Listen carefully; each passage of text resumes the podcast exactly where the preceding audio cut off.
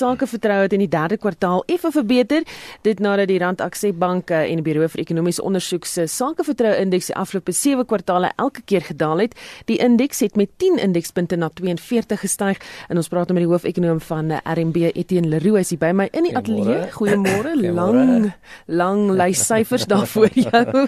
Kom ons kyk eers wat presies hierdie indeks probeer bepaal. Goed. Ehm um Eerstens is belangrike data vir ons. Ehm um, en wat ons probeer bepaal is om net 'n eenvoudige gevoel te kry van hoe senior besigheidspersone voel oor nie net hulle eie besigheid nie, maar ook oor die ekonomie in die algemeen. So ehm um, ons doen al die studie of die bureau doen al die studie vir 40, 45 jaar. So ons het 'n baie goeie tydreeks. Ehm um, en weet as jy 'n redelike idee van besigheid vertroue, dan oor tyd gaan jy 'n besige of 'n redelike goeie idee kry oor wat besighede dink oor 'n diensneme vlakke wat hulle gaan doen op vaste investering in die klas van goederes.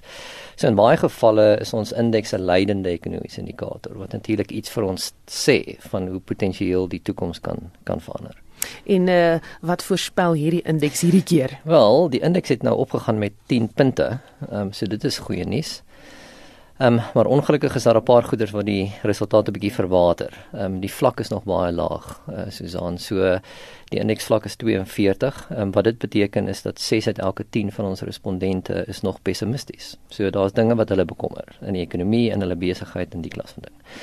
So as 'n ou regtig positief wil raak oor die ekonomie en waar ekonomiese groei op pad is, dan moet ons hierdie indeks in net positiewe terrein kry. Met ander woorde, dan moet hierdie ding in die 50s en die 60s wees waar daar meer optimisme is oor besigheid in die algemeen maar oor en ekonomie. Ehm um, en ons is nog 'n lang pad pad van daar af. Ehm um, ek moet ook onmiddellik sê dat ehm um, in die derde kwartaal was dit belangrik om die datum in gedagte te hou van wanneer ons die die opname gedoen het. Ehm um, en ons opname was gedoen tussen 25 Julie en 29 Augustus.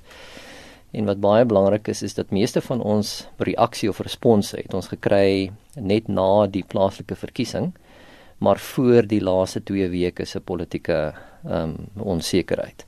So ek dink as ons byvoorbeeld hierdie opname vandag sou doen, um, in die konteks van al die politieke onsekerheid en en en die dinge, dan gaan die resultaat deel waarskynlik anders lyk. En ek dink besigheidsvertroue is miskien nie eens gestyg het in die in die in die in die kwartaal nie. Ehm um, so ehm um, die politieke omstandighede reflekteer nie ten volle nie.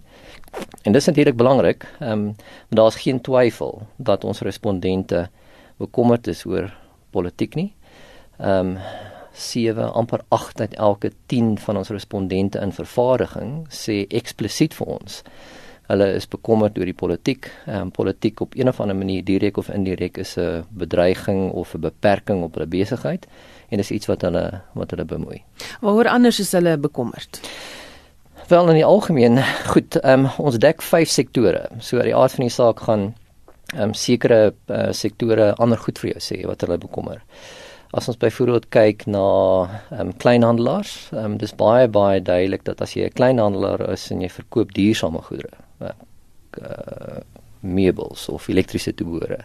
Besigheidsomstandighede is baie vrot. Ehm um, verkoopsvolume is groei nie, winsgewendheid vir baie van die maatskappye is onder druk en ons weet dit gaan broekskeer met die verbruiker. So daar's iets wat hulle spesifiek bekommer. In die bou en konstruksiebedryf ehm um, sien ons byvoorbeeld ehm um, meer lewe aan die residensiële kant, maar baie min lewe aan die nie-residensiële kant. So duidelike dis ehm um, diskrepansie tussen tussen hierdie twee. In vervaardiging wat vervaardigers bekommer in die algemeen is ehm um, interessant. Ehm um, 80% van ons respondente sê dat hulle sit met oor oorkapasiteit. Met ander woorde, hulle is nie besig genoeg nie ehm um, um, uit die aard van die saak sal dit dan 'n gevolg wees van binnelandse vraag byvoorbeeld baie pap is en weer eens kan jy nou op 'n ander verskeidenheid van goeder dink hoekom dit die geval is. So dit hang af waar en watter besigheid jy is en watter faktore ehm um, in die algemeen die vlak is laag 42 ehm um, en dit strook nog met 'n ekonomie wat baie pap is. So ons moet nie vir een oomblik dink dat omdat vertroue nou 10 punte gestyg het in die derde kwartaal weet ehm um, dinge skielik nou beter gaan vir die ekonomie nie. Dis glad nie die glad nie geval nie. Dan raak ons raak so 'n bietjie aan waaroor hulle optimisties was. Goed, ehm um, dit het ehm um, weer spesifiek te doen met die tydsperiode, die 25 Julie 29 Augustus periode. En in daai periode het 'n paar goeie goeders gebeur. So ek dink dit het definitief sentiment 'n bietjie van 'n van 'n boost gegee. So wat was daai faktore? Ehm um, onthou die petrolpryse het lekker gedaal, um, inflasie in die algemeen het 'n bietjie afgekom. Ehm um, die rand was 'n bietjie sterker en verband in verwant aan al drie daai faktore ehm um, het skielik die gevaar dat rentekoerse skielik verder gaan styg van hier af was baie minder geweest. En ek dink in die algemeen het dit vertroue 'n bietjie van 'n van 'n van 'n boost gegee. Die ander ding soos ek vroeër gesê het, ehm um, ehm um, daai tydsperiode sluit ook die ehm um, plaaslike verkiesingsresultate. In en in die algemeen ons weet almal dit was free fair and without violent disruption tipe van storie. En ek dink dit het emosies 'n bietjie gelig en weet baie van ons respondente wat die wat die wat die vraelys voltooi het net 'n bietjie beter gevoel Ehm um, so ek dink tot 'n mate kan ou dit verklaar. Ehm um, maar weer eens, ehm um, daar's 'n paar caveats ehm um, wat ou in gedagte moet hou wat die resultaat so 'n bietjie verwater. Hmm. Jy het daaraan geraak, maar uh jy weet vooruitsigte vir die res van die jaar. Ja, ehm um, wat ons nou 2 dae terug het ons die BBP data gehad en die ekonomie het so 'n bietjie teruggespring. Ehm um, in die in die tweede kwartaal gegroei teen 'n koers van 3% of of so teen 'n jaarkoers van 3%.